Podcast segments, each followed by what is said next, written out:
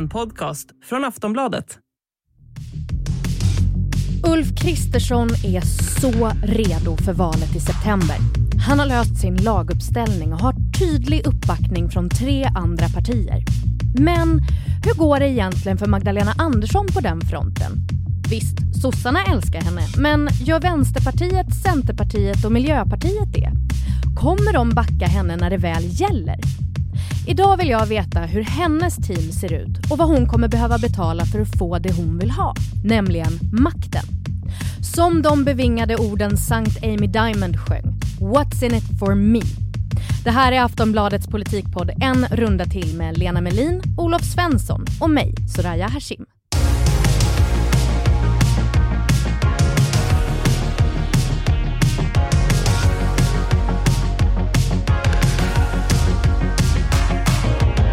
Hej på er Lena och Olof. Hej hej. Hallå, hallå.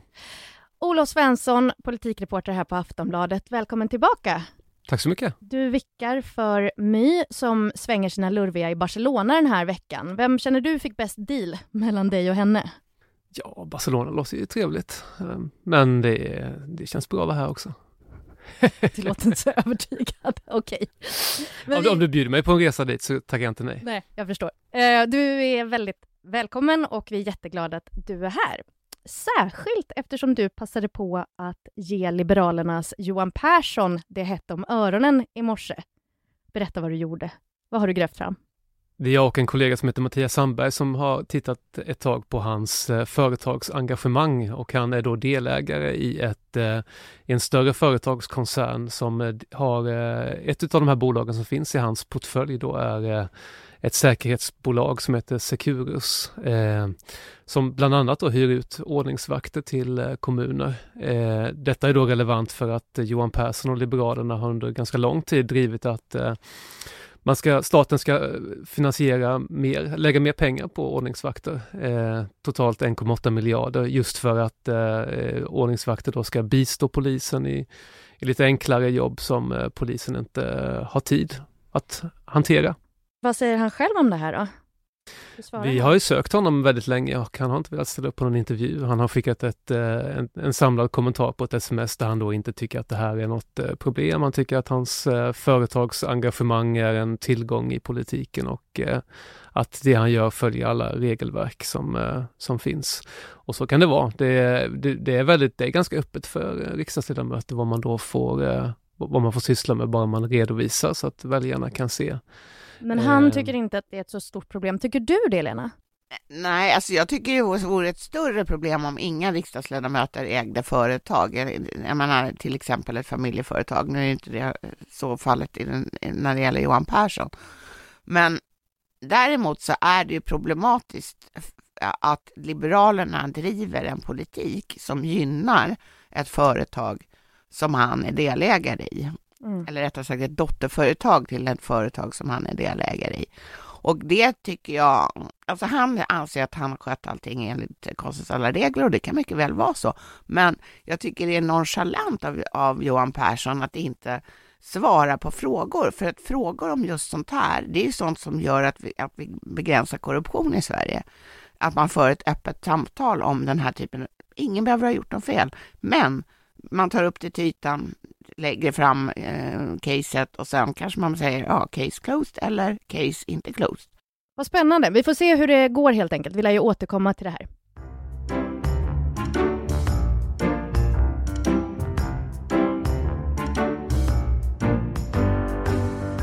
Hörni, idag vill jag reda ut dramat på vänsterflanken i riksdagen.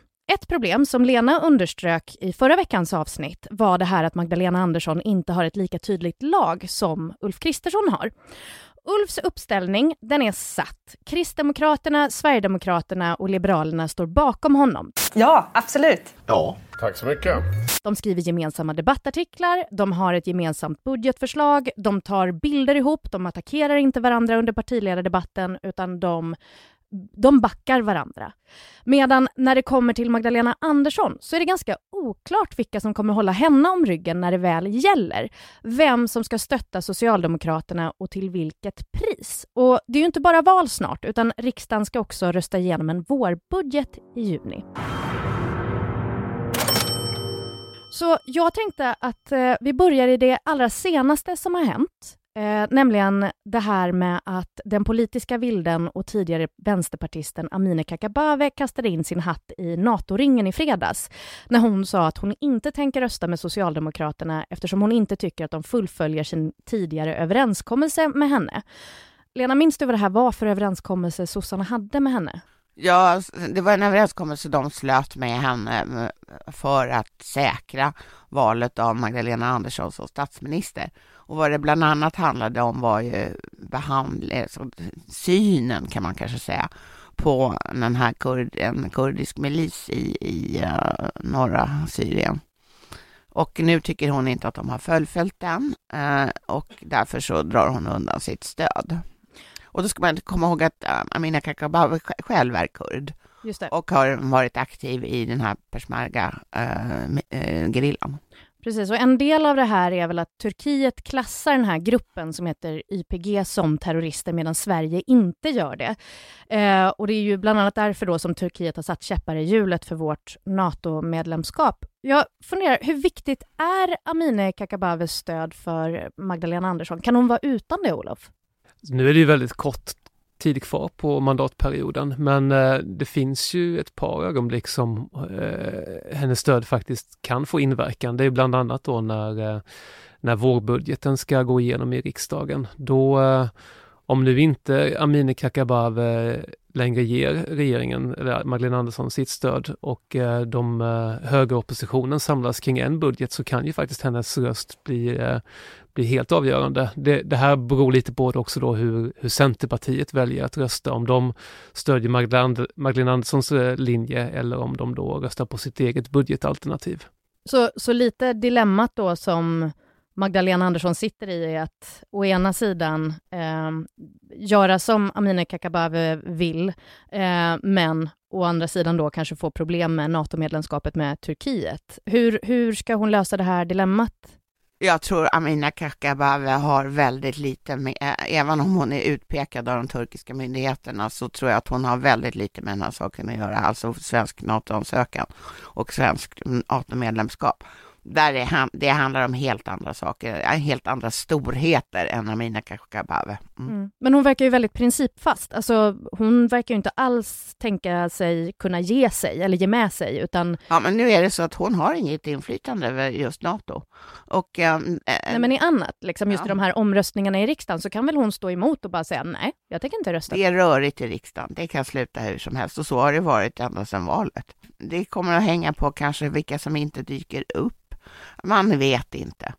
Så du menar att i teorin så skulle hennes röst, hennes enskilda röst kunna spela roll, men i praktiken så kanske den inte gör det i alla fall för att alla dyker alltså inte det, upp på omröstningar och sådär? Nej, för den gjorde ju det i själva statsministeromröstningen, eller, därför att där, dit kommer ju alla och alla röstar. Det, ibland röstar någon fel i alla fall, men, men eh, alla trycker på knappen. Och då är, det, då är det ju verkligen så att alla röster räknas. Men i en mm. helt vanlig, normal omröstning så är det inte alls säkert att det, att det är så på håret. Så det kan sluta hur som helst. Det är viktigare, som Olof sa, när det gäller vårbudgeten, så är det ju vad Centern eh, bestämmer sig för. Så Amineh Kakabaveh i sig är inte den här liksom stora släggan som hon gärna vill framställa sig själv som? Nej, hon vore ju korkad om hon stack under stol med att hon har ett visst inflytande. Det vore ju jättedumt.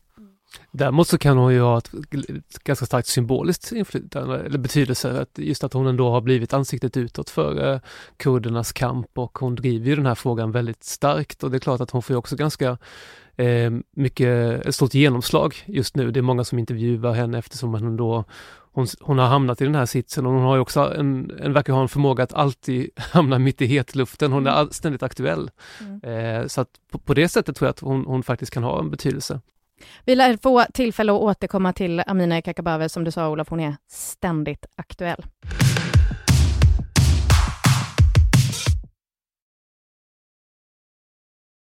Sen har vi partierna i riksdagen som också ställer till med trubbel för Magdalena. Om vi, om vi börjar med den första bråkstaken, Miljöpartiet som hoppade av regeringen i höstas. Vad vill de ha för att ställa sig bakom Magdalena? Sannolikt utfästelser på miljöområdet, alltså att de kan säga att det här eh, utropa sig som segrare och stoppa fjädrar i, i, i plymen så att säga. Mm. Är det några specifika frågor som, som är aktuella jag just nu? Jag tror bara det kan betraktas som stort, tror jag de nöjer sig med nästan vad som helst. Vill de sitta i regeringen med Socialdemokraterna? Alltså de har ju egentligen ett kongressbeslut på det här väl att de ändå inte, att de ska, för att rösta ja till en eh, statsministerkandidat så ska de också sitta i regering. Eh, jag ja, gjorde... men det har de ju inte följt. Nej, precis. Och jag, jag, ställde den där frågan till Märta Stenevi när jag gjorde en, eh, vi, vi har ju haft en serie med intervju, där vi intervjuat partiledarna i Aftonbladet och då var hon inte riktigt lika säker på den saken längre utan hon sa just som Lena sa att det viktigaste för dem är att de ska få igenom sin miljöpartistiska, få inflytande eh, över politiken. Mm. Och det vill ju alla partier ha. Eh, sen har de ju en tradition, Miljöpartiet, att just eh, fästa sig vid sådana här lite mer symboltyngda saker som de då vill ha. Vad kan det vara till exempel? Ja, vad har vi för exempel? De har ju liksom stopp, fasa ut kolet har de haft tidigare och eh, nu har de ju länge drivit vindkraften här och de har ju också mm, liksom trappat upp sin, eh, sin kritik mot eh, Socialdemokraterna efter de då lämnat regeringen. Per Bolund har vid något tillfälle sagt att han tycker att eh, Socialdemokraterna nu för tiden drev, driver en miljöskadlig politik och så vidare. Så att Eh, även om de inte har presenterat sina krav så, så, kan jag tänka mig att det kommer komma lite mer sådana här, eller någon sån typisk sak som de vill ha, eh, som ändå har ett stort symbolvärde. En sak som de drev ofta förut var ju höjd bensinskatt. Det tror jag inte det blir den här gången. Nej. Kommer det vara en utmaning för Magdalena Andersson att ge dem det de vill ha för att de ska backa henne? Nej, inte på klimatområdet, det tror jag inte. Nej. Olof, du träffar ju politiker hela dagarna. Vad är, vad är stämningen mellan Miljöpartiet och Socialdemokraterna? Nej, den, den, har ju varit, det, har ju varit bitvis ganska usel faktiskt. Alltså de, de har ju, ehm, speciellt Miljöpartiet då, har ju känt ett tror jag, känt ett ganska stort behov av att gå ut och, och, kritisera Socialdemokraterna för att just för att visa att eh, titta här nu vad som händer när vi inte längre är med och styr. Nu går de fram med, nu skrotar de våra gamla miljöpartistiska förslag som vi har förhandlat fram tillsammans, eh, har de ju då hävdat.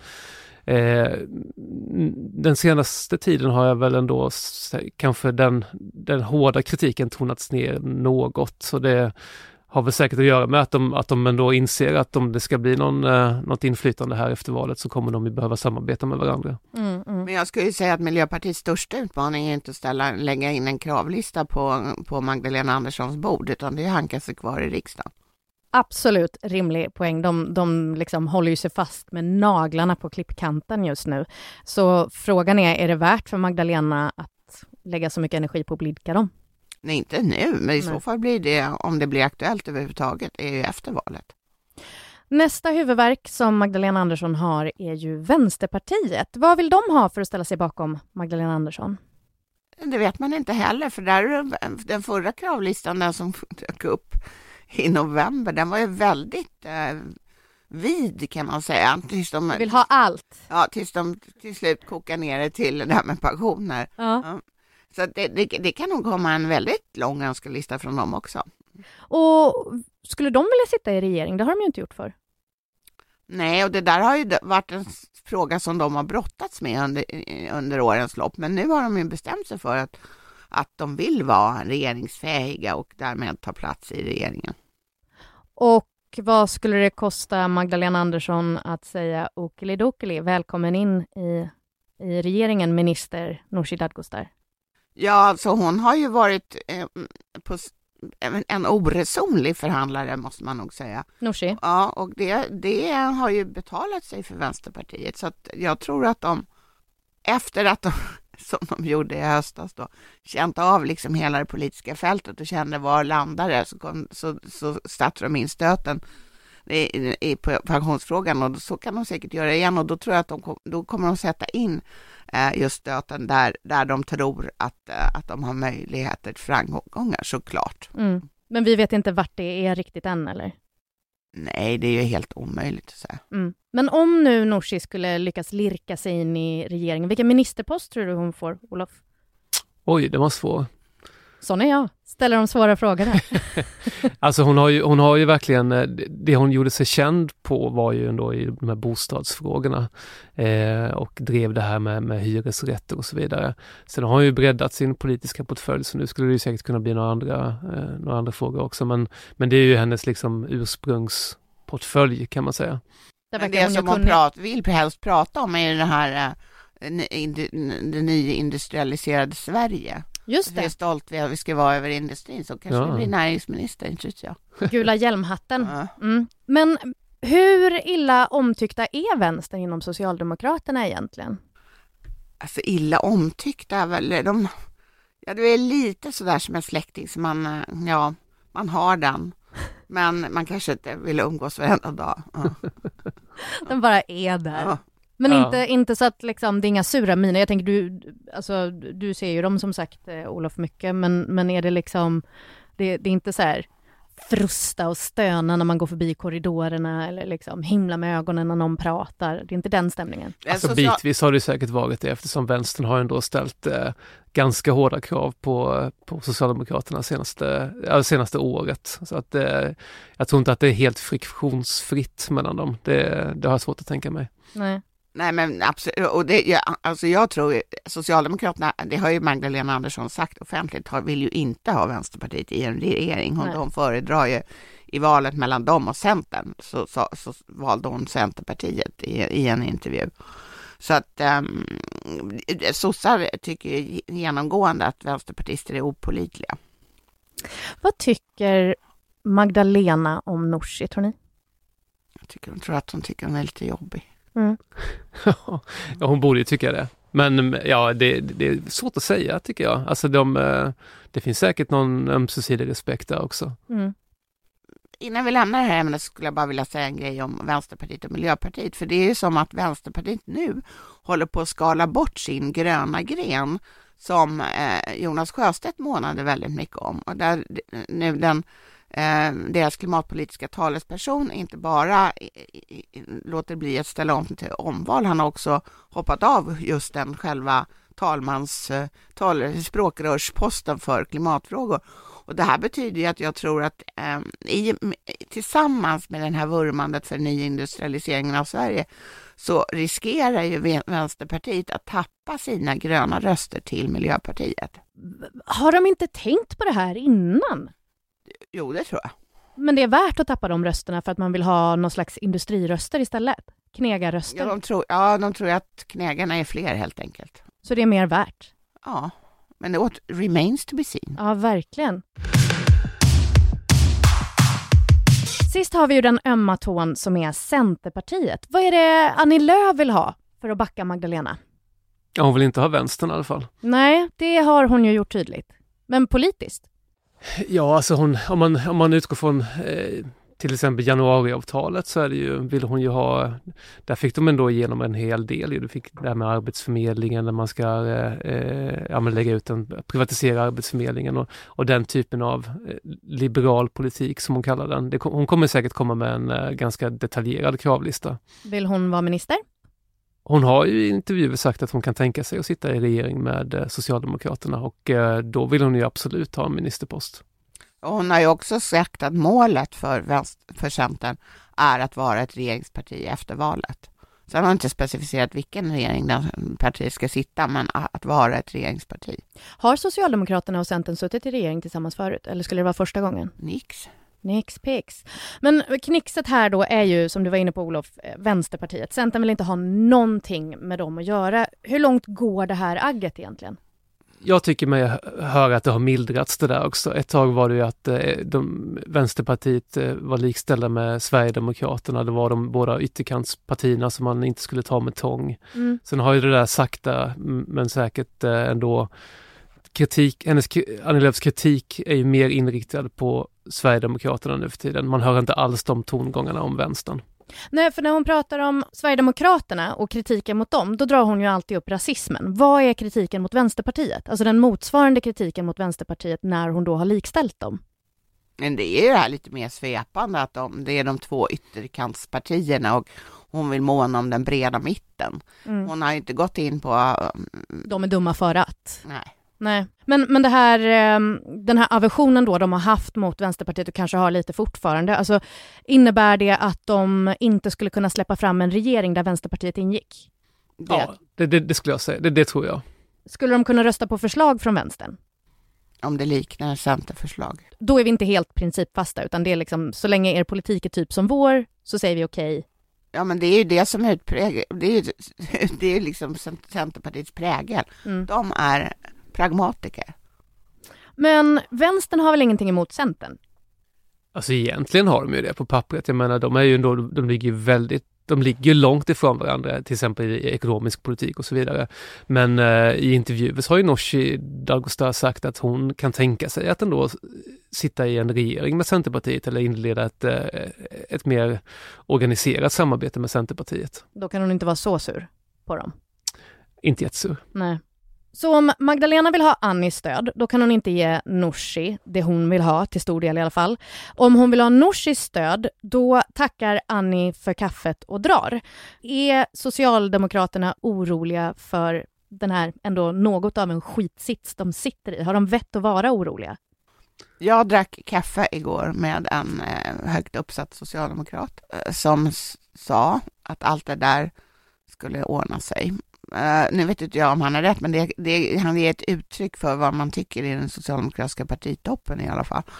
Eh, Allt, eh, det, antingen så fick Socialdemokraterna under förutsättning då att, att möjligheten finns bilda en egen regering eller också så får man ta med de här andra. Nej men shame, vem var det? Det tänker jag inte säga. Men okej, så det verkar inte vara ett omöjligt problem, låter det på den här höga socialdemokraten. Alltså det man kan säga som har präglat den här perioden sen Magdalena Andersson blev statsminister och vi har en renodlad S-regering, alltså en, med en, en regering med en mycket smal bas i, i, i riksdagen, det är ju att hon har visat sig extremt slagtålig. Eh, det, det, de förlorar den ena omröstningen efter den andra och får en, eh, eh rader av beställningar från riksdagen och ändå trampar hon på och ser ut som ingenting. Ja, alltså just nu har hon ju det fullt upp också med NATO till exempel. Så på vems lott faller det inom Socialdemokraterna att smörja Vänstern, Miljöpartiet och Centern för att få det de vill ha? just nu verkar ju, om man ser eh, Magdalena Anderssons charmoffensiv, så är den inte riktad mot de här partierna utan mot fackföreningsrörelsen. Jag tror, jag, går- de senaste dagarna, jag tror hon har pratat på tre, fyra parti, eller vad heter det, fack, fackliga kongresser. Mm. Men är det inte någon annan inom sossarna som måste liksom göra det här smörjarbetet så länge? Så att de ändå håller de här tre andra Ja, partierna lite varma? händer, det, det är väl framförallt gruppledarna som, som eh, ser till att det smörjs. Ja. För att det är där, där eh, man gör upp, så att säga, i riksdagen. Hur smörjer man ett parti? Hur går det till? Nej, men det ska man ju hålla på med sånt där som att uppträda gemensamt. Eh, jag, jag och Nooshi har druckit kaffe här på eftermiddagen och vi har pratat om intressanta saker. Sen till slut så handlar det ju om realpolitik. Då måste ju någon få något. Finns det någon chans i hela helvetet att Magdalena Andersson drar fram en badtunna, trycker ner Annie, Nooshi, Per och Märta i den med varsin Old Fashion i näven och säger Kom nu mina vänner, nu sätter vi oss ner och löser det här tillsammans. Och sen att de kliver upp ur det här badet likt Charlies änglar som en tight grupp och bara säger Vi är ett regeringsalternativ, alla vi tillsammans. Alltså, ja, man skulle inte direkt vilja säga att det är fullständigt osannolikt, men jag tror, alltså, Ma- Magdalena Andersson har visat sig vara ganska okonventionell som statsminister och partiledare, så att jag skulle inte vilja säga att det är fullständigt uteslutet. Vad säger du då? Ja, alltså jag, som eh, nyhetsreporter så vill man ändå, det hade väl varit eh, det, det hade ju varit en, eh, en ganska effektfull bild alltså. Det, så det, jag säger ja, jag hoppas det. Du hade tagit dina löparfötter och sprungit snabbare än någonsin till den där badtunnan. Det hade blivit en bra nyhet.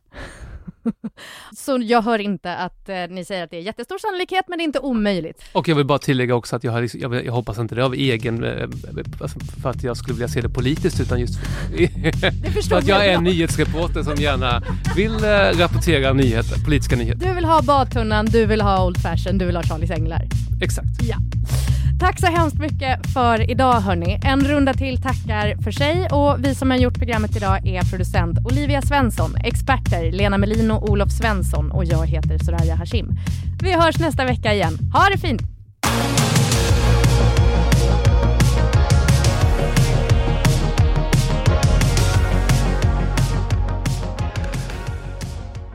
Du har lyssnat på en podcast från Aftonbladet. Ansvarig utgivare är Lena K Samuelsson.